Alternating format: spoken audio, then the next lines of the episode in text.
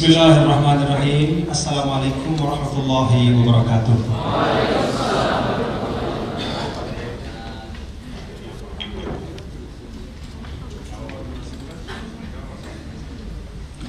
Alhamdulillah wassalatu wassalamu ala rasulillah wa ala alihi wa sahbihi wa wala Selamat siang dan salam sejahtera untuk kita semua Yang sama-sama kita hormati Bapak Wakil Rektor, Bapak Dekan Sekolah Bisnis Manajemen Bapak-bapak para doktor, profesor, Bapak uh, moderator Dan yang saya banggakan dan saya cintai Anak-anak muda ITB Generasi muda Indonesia yang insya Allah akan menjadi kebanggaan kita semua di masa yang akan datang. Bapak Ibu hadirin dan hadirat sekalian, teman-teman dari pemerintah provinsi, termasuk juga ada beberapa dari Ikatan Alumni Al Azhar Internasional juga hadir bersama. Pertama Bapak Wakil Rektor dan Bapak-bapak para profesor, para doktor, pimpinan ITB, serta seluruh mahasiswa-mahasiswi yang saya hormati, pergerakan saya setelah syukur kepada Allah Subhanahu wa taala Tuhan yang Maha Kuasa menyampaikan terima kasih dan penghargaan atas uh, silaturahim ini kesempatan saya bisa bertemu dengan para mahasiswa dan mahasiswi Institut Teknologi Bandung. ITB itu kalau bagi saya saya tuh punya anak enam. Satu laki lima perempuan. Kalau suatu hari datang kepada saya seorang pemuda misalnya ada dua pemuda. Yang satu punya ruku empat biji. Yang satu mahasiswa semester akhir ITB melamar saya misalnya. Saya masih kecil-kecil ya. Ada yang usia satu tahun yang paling kecil. Tapi sepanjang bener cerita. Ada yang tiga tahun ada yang masih SMP dua dan yang satu sedang kuliah kalau ada uh, dua pemuda yang seperti itu satu punya ruku tiga atau empat lah sama mungkin baru kredit mobil gitu ya. Kemudian yang satu mahasiswa ITB semester akhir dengan tas ransel yang dicangklong di punggungnya.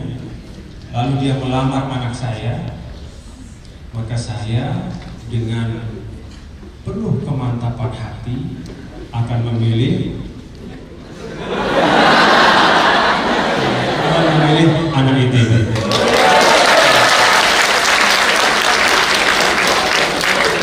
Jadi jangan adik-adik para mahasiswa-mahasiswi mengira bahwa yang pintar memproyeksi itu hanya profesor di depan ini saja.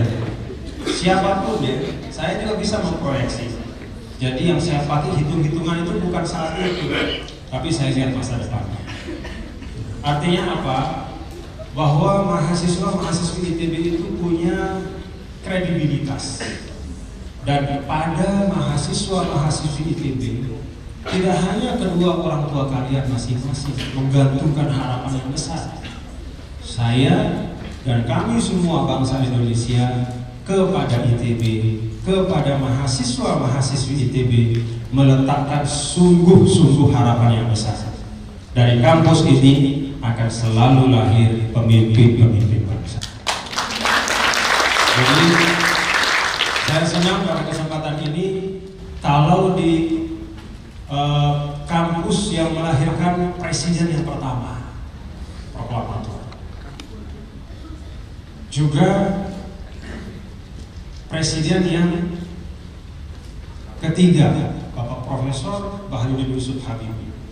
Saya Muhammad Zainul Majdi dipercaya atau diberikan kesempatan untuk menyampaikan sharing tentang Pengalaman saya selama diamanahkan sebagai Gubernur Nusa Tenggara Barat, maka bagi saya ini benar-benar sesuatu. Sesuatu yang membanggakan untuk saya.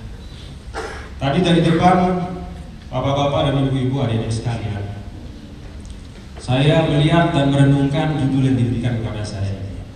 Hampir saya tanya kepada Pak Profesor kedua di kiri kanan, cuman manusia baru kenal ya Masa baru kenal sama wakil rektor nanya, ini gimana kira-kira menafsirkannya? Jadi, ini saya dikasih judul nggak tahu ini gaya ITB apa gimana ya? Susah betul ya. Menerapkan nilai ketuhanan dan nasionalisme dalam menjalankan kepemimpinan yang berintegritas dan profesional. Jadi ini kata-kata yang besar dan mengawal-awal, tinggi sekali, filosofis sekali. Tapi saya ingin ambil dari satu angle saja.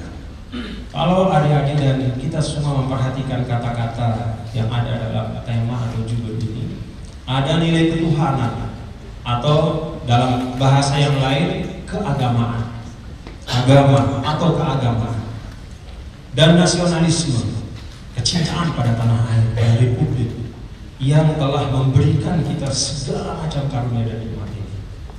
Dalam menjalankan kepemimpinan yang berintegritas dan profesional, saya ingin ambil dari satu angle bahwa judul ini hendak mengingatkan kita bahwa mari kita berhenti mempertentangkan hal-hal yang baik yang ada dalam kehidupan kita.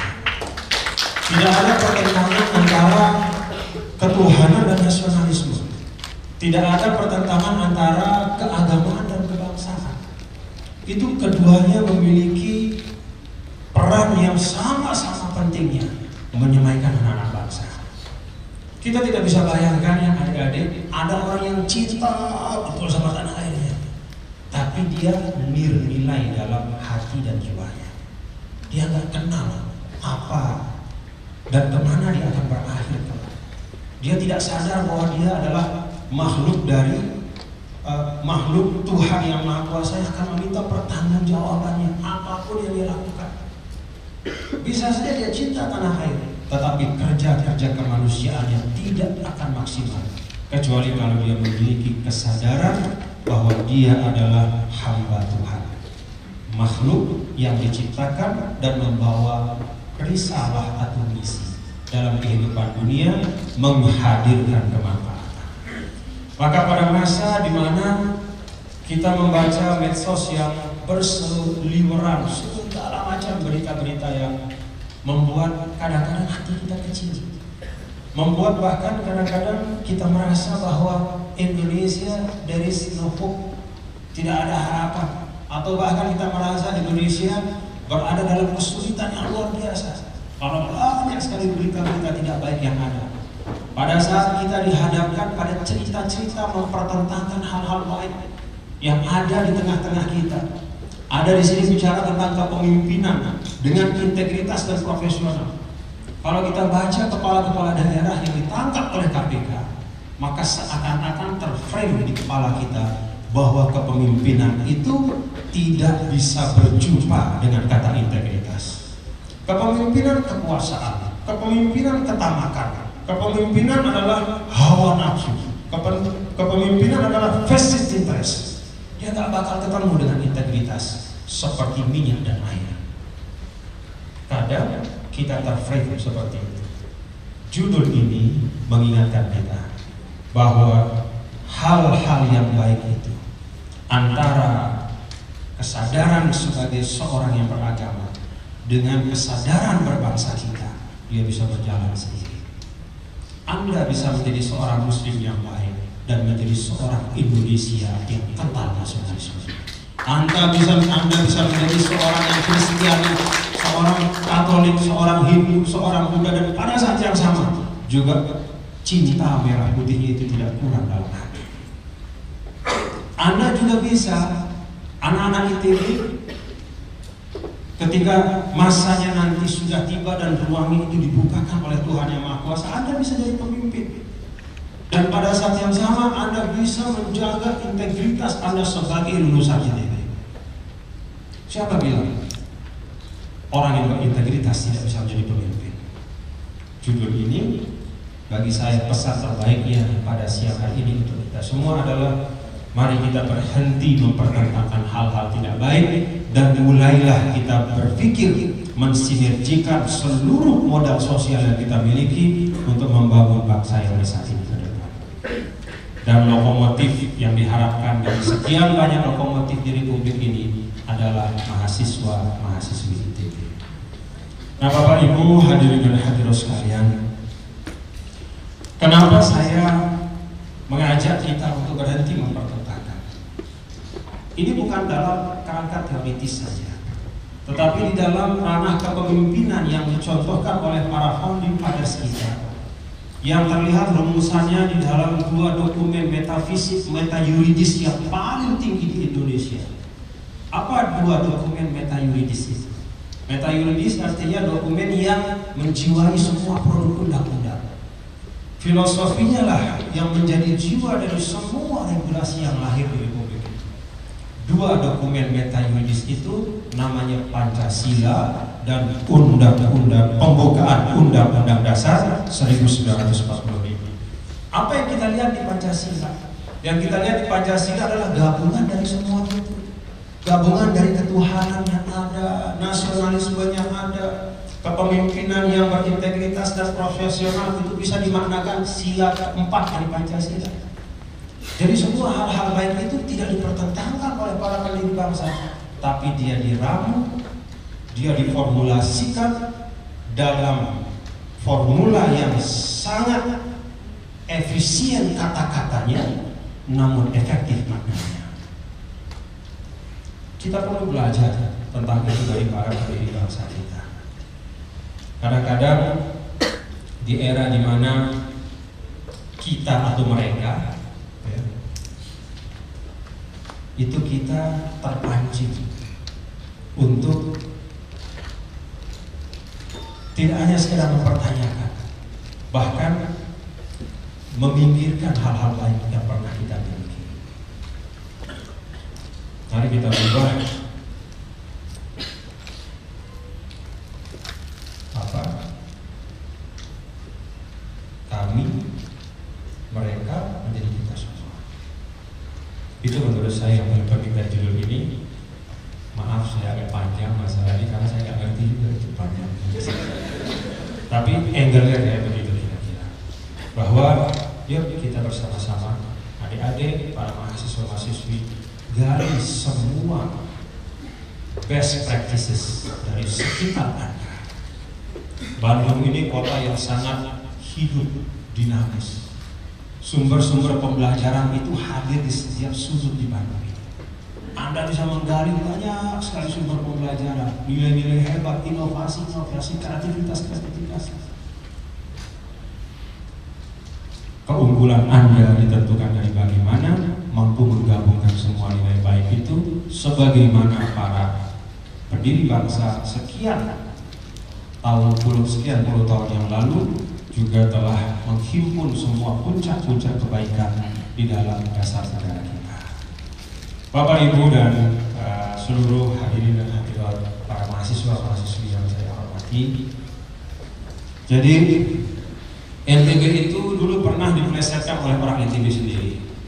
Nusa Tenggara Barat dipelesetkan menjadi ada yang tahu kan? Nasib tergantung Bali. Ada yang lebih parah lagi. Bersama-sama dengan NTT kita saling-saling cari kepanjangan dari daerah kita masing-masing. Saking desperate-nya kita melihat daerah kita. NTB mengatakan nanti Tuhan bantu. Dijawab oleh orang NTB nanti Tuhan tolong. Itu gambaran pernah ada masa seperti itu? Bapak-bapak dan ibu-ibu nah maka ketika menghadapi keadaan seperti itu NTB itu kebetulan 170 tahun itu berada di bawah penguasaan Kerajaan Bali Timur. Jadi sebenarnya penjajahan itu bukan yang paling bahaya adalah penyedotan dari resources sumber daya alam. Tapi penjajahan yang paling bahaya adalah ketika penjajah itu sudah pergi sekian lama, mental keterjajahan itu masih disisakan dalam kita. Itu yang paling bahaya. Maka ketika membangun NTB 2008 yang lalu, pekerjaan pertama yang kami bersama kerjakan, bukan hanya saya pribadi, tapi kami semua bersama-sama kerjakan adalah membangun kepercayaan diri. Bagaimana kami berusaha kemampuan kami untuk merubah anekdot nama NTB itu dari nasib tidak baik, nasib tergantung Bali, nanti Tuhan bantu menjadi nasib ternyata berkah. Ketika ketika kepercayaan diri itu mulai dibangun bersama-sama, yang terjadi itu seperti ini. Inilah bapak-bapak satu slide yang menggambarkan hasil dari ikhtiar bersama di Nusa Tenggara Barat. Ketika kita bersama mampu membangun kepercayaan diri, lalu kemudian yang kedua ada visi pembangunan yang konsisten kita laksanakan bersama-sama. Lalu yang ketiga ada keteladanan yang dicontohkan secara konsisten oleh pemimpin. Lalu yang keempat ada kepemimpinan yang tidak struktural tetapi diupayakan maksimal untuk menjadi kepemimpinan yang fungsional. Lalu yang kelima ada sinergi antara seluruh tingkatan pemerintahan dan para stakeholders. Maka potretnya seperti itu. Nusa Tenggara Barat kalau dalam uh, bahasa dari para teknokrat ekonomi kita, mohon maaf bukan teknokrat tapi birokrat ekonomi kita, mulai dari Ibu Menteri Keuangan dan Dirjen dan segala macam, itu katanya ada istilah pertumbuhan yang inklusif. Benar ya Bapak? Ada istilah pertumbuhan yang inklusif yang ditandai katanya dari pertumbuhan ekonomi yang bagus kemudian pengangguran yang terus-menerus bisa turun, angka kemiskinan secara progresif juga dapat diturunkan, dan tingkat kesenjangan atau Gini rasio itu bisa dikendalikan. Keempat indikator ini di Nusa Tenggara Barat, Alhamdulillah dari 2008 sampai 2017 seperti inilah potretnya. Minimal dari 2013, bapak-bapak dan ibu-ibu para mahasiswa mahasiswi Kelihatan pertumbuhan ekonomi kita itu selalu konsisten. Pertumbuhan ekonomi tanpa tambang konsisten di atas rata-rata nasional. 2017 pertumbuhan ekonomi NTB tanpa tambang itu 7,1 persen. Pada saat pertumbuhan ekonomi ini berjalan dengan baik, di sisi lain juga pengangguran dapat kita tekan dari 6,1 terakhir di 3,32 persen, jauh di bawah rata-rata nasional sebesar 5 persen. Pada saat yang sama juga Ketika dulu 2008 diwarisi kemiskinan yang hampir seperempat dari rakyat NTB, maka dalam 9 tahun dapat diturunkan sangat progresif sekitar 8 persen. Salah satu dari tingkat penurunan kemiskinan yang paling progresif di Indonesia. Demikian pun ketika bicara tentang keadilan dan pemerataan yang dicerminkan dari Gini rasio atau tingkat ketimpangan maka di NTB terakhir Gini rasio kita 0,378 Gini rasio secara nasional adalah 0,4 atau 0,39 semakin tinggi skornya berarti tingkat ketimpangan itu semakin lebar artinya apa adik-adik sekalian? Bahwa dengan membangun kepercayaan diri sebagai entry point kita harus yakin bahwa kita bisa. Lalu kemudian ada visi yang jelas lalu kemudian ada kepemimpinan yang efektif, lalu kemudian ada sinergi antara seluruh stakeholder antara gubernur dan semua wali kota dan pelaksana pemerintahan daerah, maka alhamdulillah potret dari kinerja itu seperti ini. Bapak Ibu dan para mahasiswa-mahasiswa Indonesia sebagai bagian dari United Nations punya komitmen global ada program yang, yang dinamakan Millennium Development Goals. Tujuan-tujuan pembangunan milenium. Ketika Millennium Development Goals ini dilaksanakan oleh Indonesia maka provinsi yang pelaksanaan Millennium Development Goals-nya terbaik di seluruh Indonesia. Dari 2011 awal dimulai diluncurkan sampai akhir 2015 namanya Provinsi Nusa Tenggara Kenapa yang di sini perlu saya kasih highlight? Karena memang indikatornya itu indikator yang dirumuskan oleh PBB langsung. Jadi semua anggota PBB itu memiliki obligasi atau kewajiban untuk melaksanakan seluruh tujuan Millennium Development Goals ini dengan konsisten. Alhamdulillah kita selalu terbaik dalam pelaksanaan Millennium Development Nah ini operasi daerah ini panjang ya, saya lanjutin. Nah, Ini pertumbuhan ekonomi yang digambarkan yang saya gambarkan tadi dalam empat tahun terakhir kita konsisten di atas pertumbuhan nasional. Ini bapak-bapak dan eh, teman-teman eh, sekalian, adik-adik, ini gambaran dari akselerasi APBD kita dari tahun ke tahun. Kemudian ini realisasi investasi yang ada NTB, kemudian ini nilai ekspor, ini pengembangan ekonomi syariah yang sedang kita lakukan, karena memang ada satu ada satu pasar yang sangat besar yaitu keuangan syariah yang sekarang sedang berkembang sangat pesat di dunia. Termasuk di dalamnya itu adalah apa yang disebut dengan Muslim Tourism.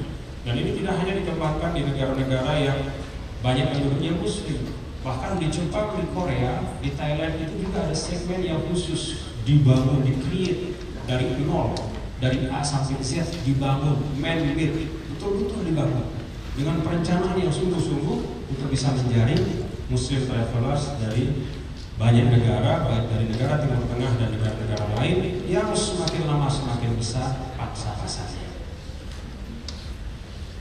Nah, ini bagian ini bagian dari pembangunan infrastruktur, kemudian ini pengembangan uh, beberapa infrastruktur yang ada. Nah, ini salah satu yang menurut saya juga bagian yang bisa menjadi pelajaran untuk kita semua. Pelajarannya apa? Pelajarannya adalah begini. Ada persepsi bahwa kalau daerah itu mayoritas muslim, maka pariwisatanya tidak mungkin bisa NTB membuktikan bahwa persepsi itu tidak benar. Dan bukan hanya itu, banyak sekali persepsi-persepsi Termasuk persepsi bahwa kita di alam pikiran kita bahwa ada ketegangan, ada ada ketidakberterimaan terhadap pluralitas yang berkembang di tengah kita. Tidak. NTB itu daerah mayoritas muslim, tetapi sepanjang pariwisata berkembang di NTB, berjuta-juta pelancong dari mancanegara datang ke NTB, tidak pernah ada satu eksiden pun yang menimpa para wisatawan karena latar belakang keyakinan. Kalau misalnya hotelnya kadang-kadang sekali berapa bulan misalnya ada jendela dicongkel, ada penjangketan, iya terjadi. Tapi not even a single accident yang menimpa wisatawan karena perbedaan keyakinan. Artinya apa?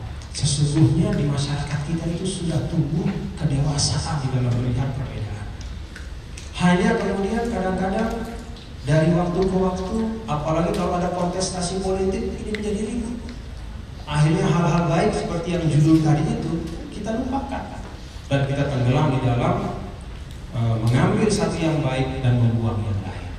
Nah, pelajaran dari NTB sekali lagi dari contoh bagaimana akselerasi wisatawan ini. Adik-adik bisa lihat dari setengah juta wisatawan pada 2008, 2000 17 itu mencapai lebih dari tiga setengah juta wisatawan. 700 persen peningkatan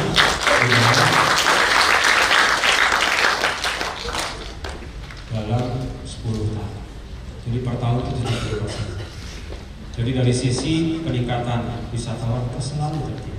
Tapi pesannya adalah kepada adik-adik semua bahwa kalau ada persepsi yang negatif, jangan termakan dengan persepsi selalu uji dia. Dan justru ketika ada persepsi negatif itu ada di kita, kalau saya kasusnya adalah seperti yang saya sampaikan tadi, justru saya tertantang. Kami semua di NTB tertantang untuk menunjukkan bahwa NTB itu walaupun daerah yang mayoritas muslim, tetapi dia bisa mengembangkan pariwisata yang berkualitas. Dan sekarang arah pariwisata kita adalah ekoturism atau wisata berwawasan uh, itu saja yang dapat saya sampaikan sebagai pengantar. Saya berharap dari apa yang saya sampaikan ini ada beberapa hal yang dapat kita tangkap bersama-sama, dapat kita renungkan juga, dan mudah-mudahan bisa menjadi bekal buat adik-adik juga ke depan. Kalau yang kisah tentang dua pemuda itu jangan jadi bekal ya. PD juga ya. Itu sekarang, tapi 10 tahun yang akan datang belum tentu kayak gitu. Atau lebih lagi dari itu.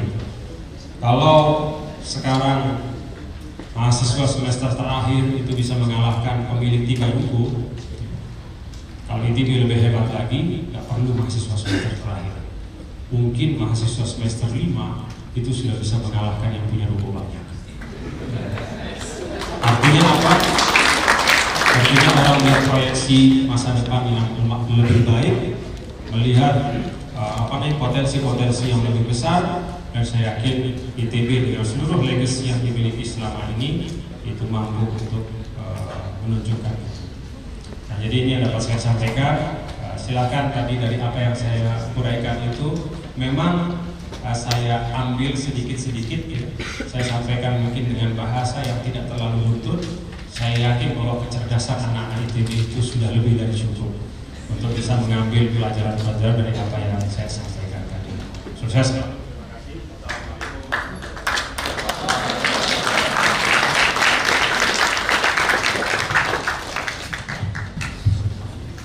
Terima kasih Pak Gubernur. Jadi ada beberapa hal hanya 30 menit ya, tapi ada beberapa beliau menyampaikan yang sangat efektif. Yang pertama kita tidak boleh menganggap tentangkan hal-hal yang baik yang kita miliki, terutama tadi berkaitan dengan ketuhanan dan nasionalisme, bahkan kita harus menjalankannya untuk mencapai kebaikan bagi bangsa ini. Kemudian juga beliau menyampaikan tentang Eh, prestasi eh, Nusa Tenggara Barat ya, dalam 10 tahun terakhir dan bagaimana kiat-kiat mencapai Jadi sekalian selanjutnya ada sesi tanya jawab. Jadi saya akan buka yang pertama untuk tiga penanya pertama silakan. Oke, langsung aja maju ke depan dari sini satu. Eh, silakan maju ke depan. Kemudian dari sini satu yang kacamata dari ujung sana satu silahkan segera dan sampaikan pertanyaannya silahkan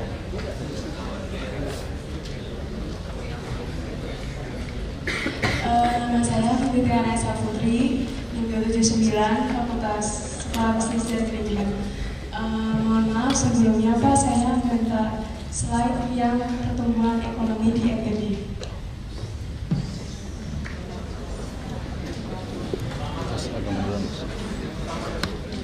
Ya. Nah, di situ disebutkan ada penurunan drastis pertumbuhan ekonomi dari 2009 sampai ke 2011. Sedangkan kemiskinannya malah justru menurun dan penganggurannya tetap. Nah, itu beda terkaitnya tuh apa ya Pak? Kok bisa pertumbuhan ekonominya menurun, tapi kemiskinannya juga menurun dan penganggurannya tetap kayak gitu loh, kayak hari itu. Terima kasih.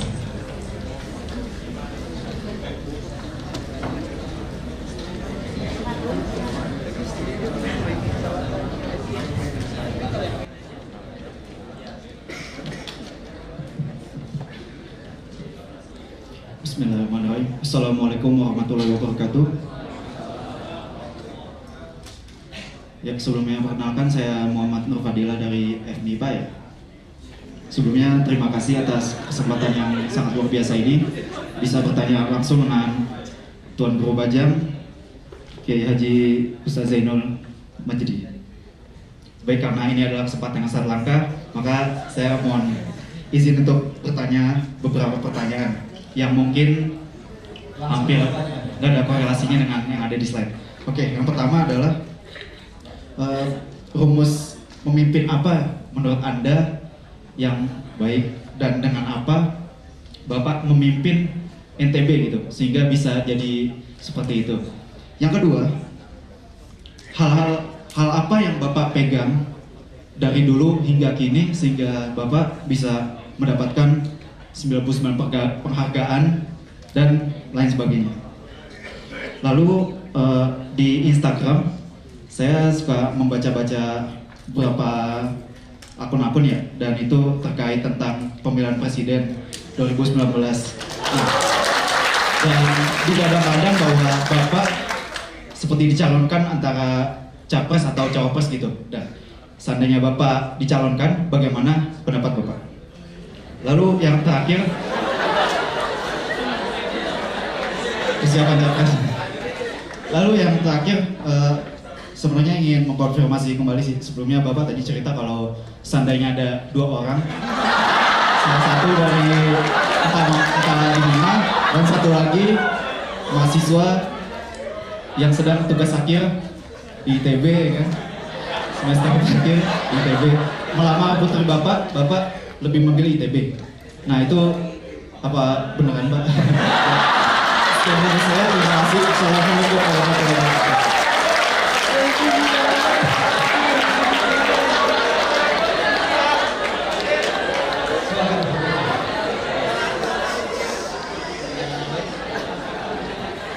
Assalamualaikum warahmatullahi wabarakatuh. Selamat siang dan terima kasih. Perkenalkan nama saya Agus Ramalan dari Teknik Elektro. Eh, izin bertanya, tadi ada slide yang mungkin nyambung dari masnya itu eh, bahwa NTB adalah wisata halal terbaik, salah satunya wisata honeymoon terbaik halal.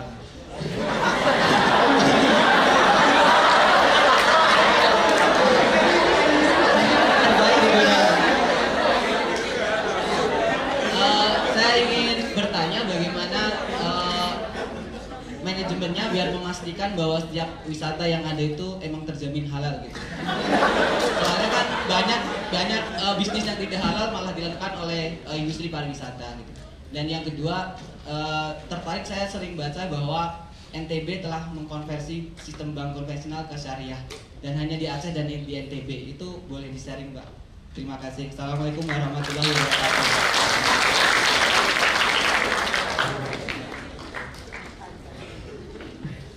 Bismillahirrahmanirrahim. Assalamualaikum warahmatullahi wabarakatuh. Eh, Pertama-tama saya sangat berterima kasih dan merasa beruntung karena bisa hadir di sini dan Bapak juga berkenan untuk berbagi banyak hal kepada kami semua. Perkenalkan Pak, saya Aziz. Saya mahasiswa tingkat akhir Pak sebenarnya.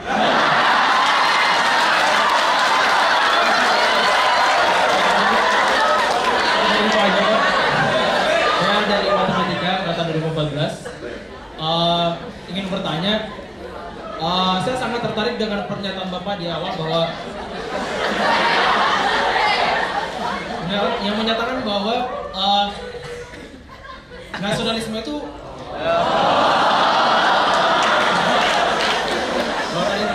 di awal bahwa ya. Ya, bahwa eh, nasionalisme itu secara bersama secara bersamaan bisa berdampingan dengan eh, eh, jiwa yang agamis gitu, Pak. Nah, apakah Bapak punya resep resep nih bagi kita semua di sini tentang bagaimana sih ketika kita menjadi mahasiswa, apa yang perlu kita lakukan, apa yang perlu kita kembangkan dalam diri kita sendiri untuk bisa mencapai eh, keadaan yang seperti itu gitu. Keadaan di mana kita menjadi sosok yang agamis, tapi dalam waktu yang bersamaan kita juga bisa menjadi sosok yang punya jiwa nasionalisme yang tidak berkurang sedikit pun. Saya sangat eh, penasaran karena tadi setelah ngobrol sama teman-teman ternyata orang-orang yang di umur 40-an di umur 50-an yang yang di ketika dia berumur 20-an atau 30-an tidak terlihat oleh publik tapi di umur 40-an dia bisa terlihat oleh publik dengan prestasi yang luar biasa di mana dia memiliki jiwa nasionalis- nasionalisme yang baik dan jiwa agama yang kuat seperti Bapak saat ini gitu. Apa resep yang bisa Bapak berikan kepada kami? Terima kasih. Assalamualaikum warahmatullahi wabarakatuh. Semester akhir, semester aman.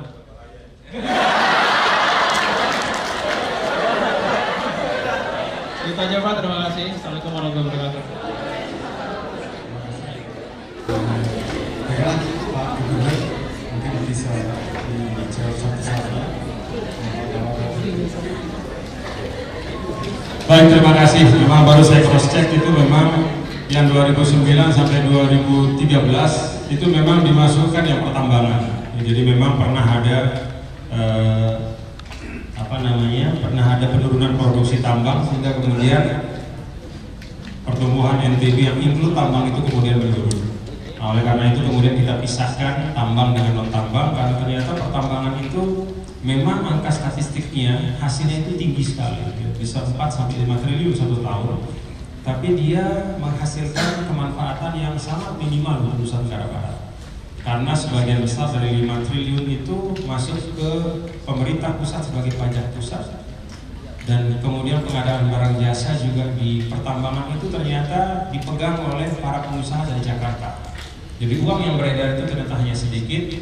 Oleh karena itu kemudian di dalam RPJMD kami mengeksklud tambang dan kami mengukur pertumbuhan ekonomi itu sejak beberapa tahun terakhir ini dengan mengeluarkan sektor tambang karena kami anggap itu lebih real dan lebih nyata karena eh, di situ bisa terlihat eh, sejauh mana pertanian, jasa, perdagangan, dan sektor-sektor lain yang langsung dikerjakan oleh masyarakat seperti apa dinamikanya.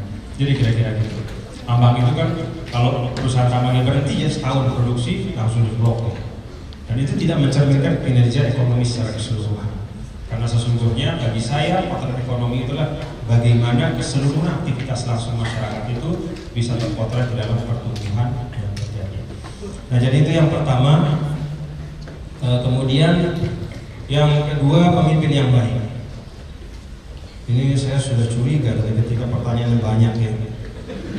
Baik, pemimpin yang baik, apa terus akhirnya nanyain benar nggak itu Pak? Ya itu ini cerdas-cerdas. Kita nggak bisa ngelempar pancing sedikit, karena belum sampai air udah lompat duluan dari. Kalau tadi Bapak Wakil Rektor menyampaikan ada disruptif ekonomi ya Pak ya. Ya, jadi saya yakin ITB nggak perlu khawatir.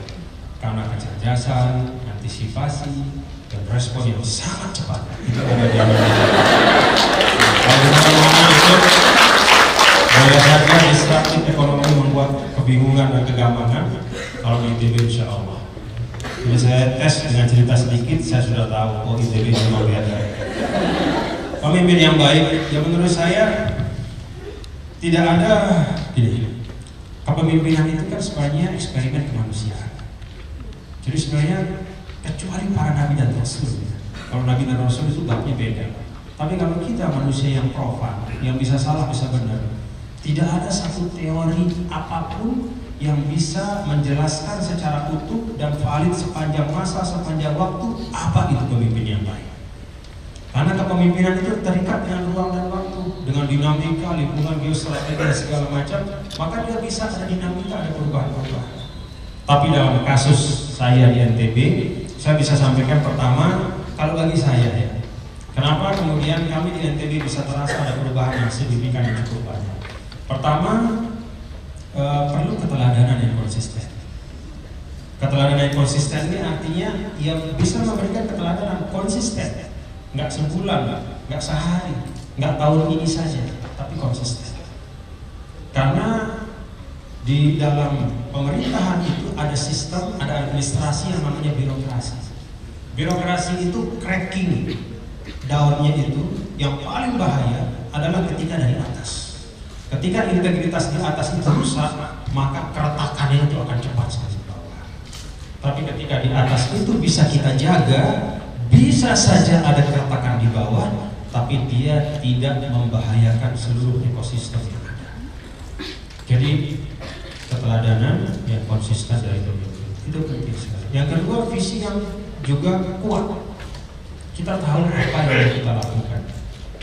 Kemudian yang ketiga kepemimpinan yang fungsional tidak struktural.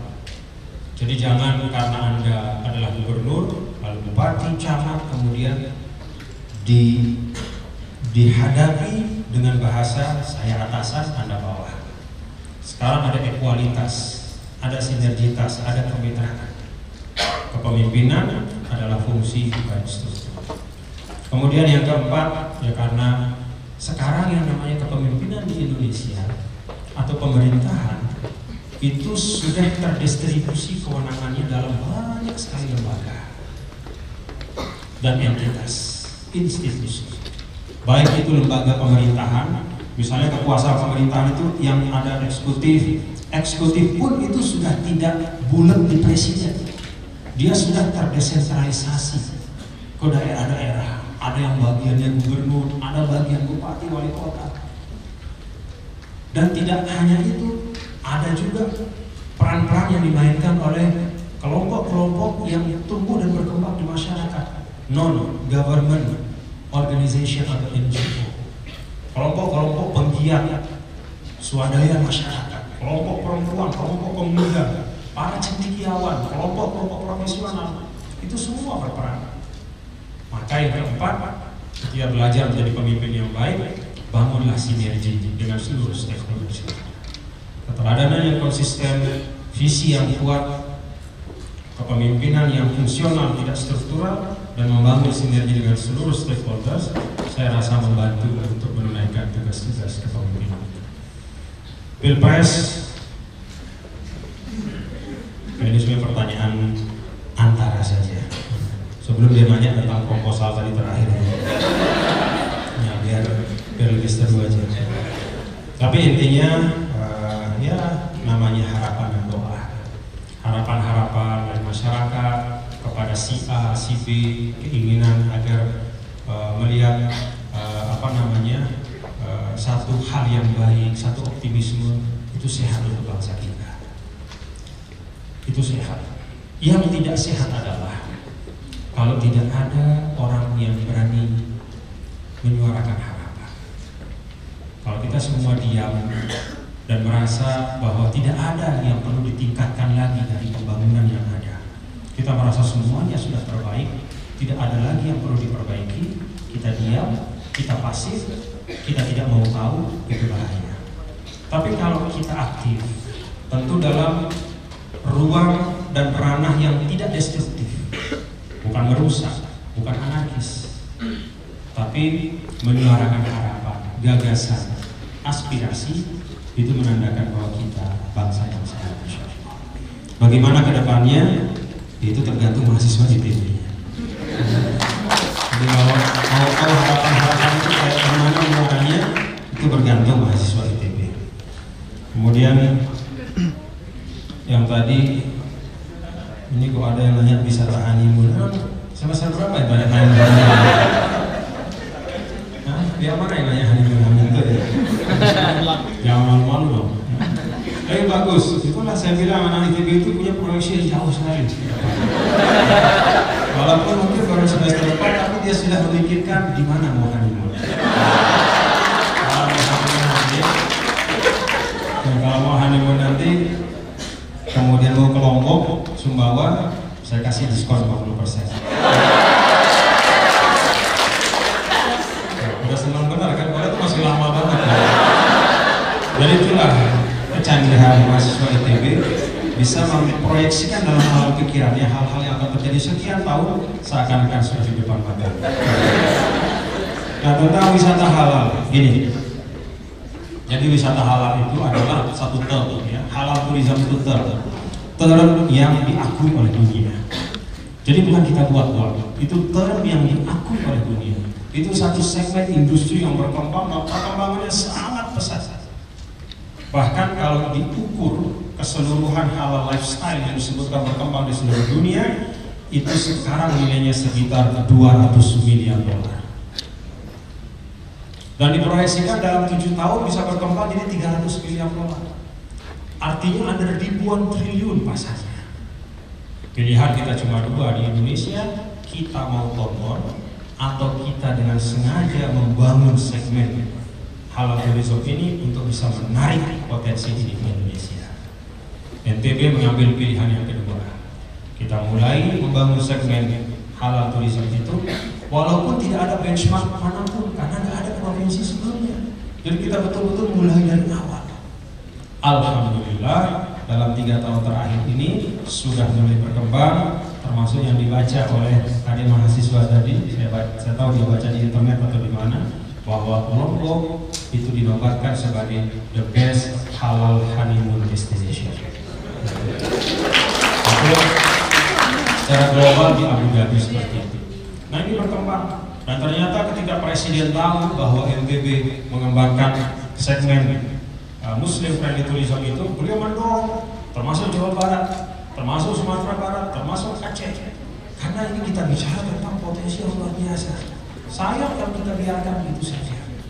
Potensi yang ada, infrastrukturnya bisa kita ciptakan, kemudian juga regulasinya bisa disiapkan, tidak ada yang kurang, tinggal politikal biasa saja. Nah, sebenarnya uh, halal tourism itu lebih kepada menyamankan pelancong muslim. Jadi jangan digambarkan di kepala kita bahwa ini wisata yang biasa, lalu ada yang beda 100% dengan yang ada ini. Jadi yang namanya halal tourism itu dia berarti betul-betul membalik semua yang sudah ada. Enggak. Itu bagian dari persepsi yang salah. Apa real dan konkretnya halal tourism itu? Kalau biasanya pelancong yang muslim itu ada peningkatan kesadaran ketika dia melancong dia juga ingin bisa ibadahnya nyaman. Maka mereka memilih hotel-hotel yang arah kiblatnya itu ada jelas. Kemudian selain Bible yang merupakan standar di situ juga ada Al-Quran disiapkan. Lalu kemudian ada sajadahnya. Kemudian tempat berwudunya juga nyaman. Itu bagian dari kenyamanan. Jadi halal turisme itu sebenarnya bagaimana menyamankan para pelajar muslim yang memang mengharapkan mereka bisa berwisata dengan nyaman sekaligus juga bisa menunaikan kewajiban agama itu dengan baik. Ketika mereka berkuliner ria, mereka mencari restoran yang sudah disertifikasi. Maka di Lombok, di NTB itu pemerintah daerah memberikan biaya untuk mensertifikasi semua restoran yang mau disertifikasi. Di awal ada resistensi dan pertanyaan, di akhir para pemilik restoran yang sebagian adalah non muslim menyampaikan kepada saya, Pak Gubernur, terima kasih. Setelah disertifikasi restoran saya, maka selain pelanggan yang lama yang ada, saya juga sekarang sudah punya pelanggan-pelanggan.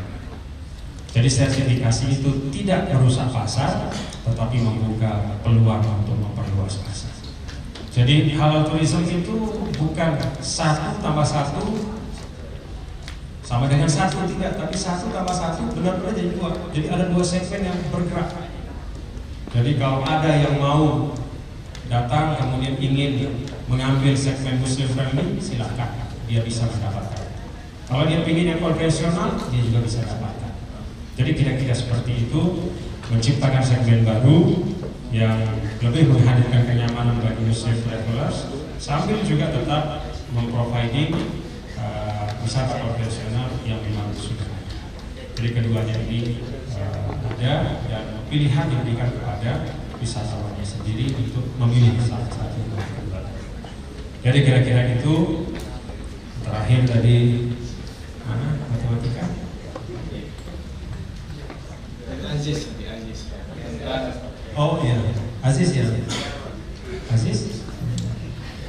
Terima kasih. sesuatu tingkat akhir. Nanti kita ketemu ketemu ya mahkamah. Nah, jadi itu saya ingin sekali lagi menyemangati bahwa Indonesia ini luar biasa potensinya, kebaikan-kebaikannya juga luar biasa, dan tidak ada negeri yang Tuhan yang Maha Kuasa itu lebih bermurah padanya lebih dari Indonesia. Kita syukuri itu semua ya. Assalamualaikum warahmatullahi wabarakatuh. Ini, ini pertanyaan yang keempat eh, tentang bagaimana dilakukan mahasiswa agar rasa nasional Oh, iya. ketuhanan ini bisa bersemi bersama.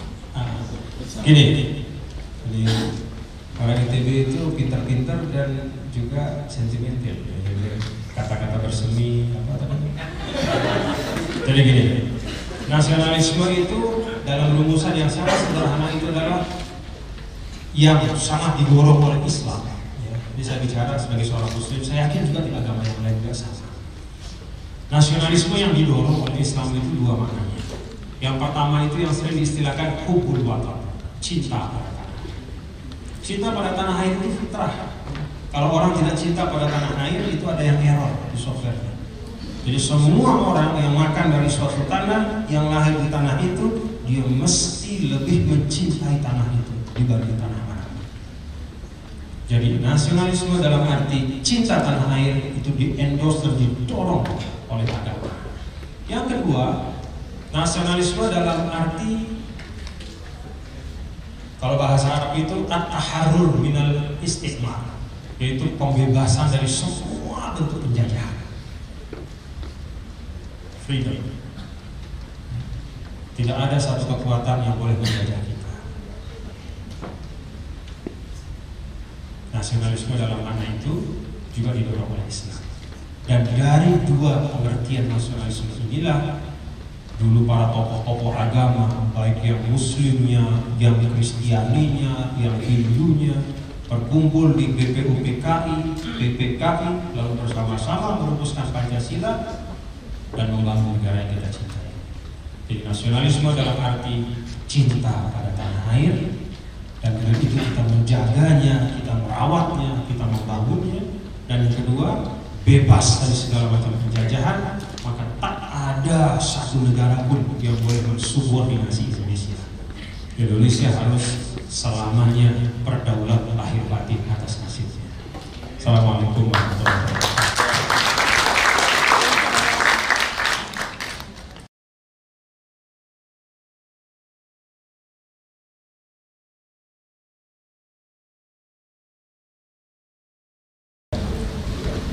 Terima kasih Pak Gubernur. Jadi kita mendapatkan banyak sekali eh, ilmu dari beliau beliau menyampaikannya dengan sangat menarik. Jadi untuk sesi pertanyaan itu kita akhiri dan sebelum ditutup ini saya mencoba eh, membacakan beberapa poin yang beliau sampaikan.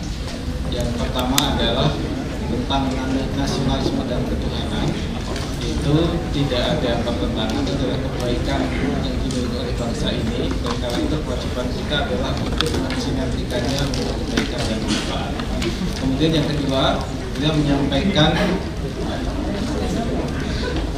bagaimana menjadi seorang pemimpin yang sukses dan ini beliau buktikan bahwa selama 10 tahun Nusa Tenggara Barat berhasil meraih kemajuan-kemajuan yang signifikan dengan banyak penghargaan. Demikian eh, kita ucapkan terima kasih kepada Gubernur Nusa Tenggara Barat, Tuan Guru Haji Muhammad Yainul Maji. Mudah-mudahan apa yang kita sampaikan ini bermanfaat bagi dunia akhirat kita semua. Kita beri aplaus untuk beliau. Terima kasih. Assalamualaikum warahmatullahi wabarakatuh.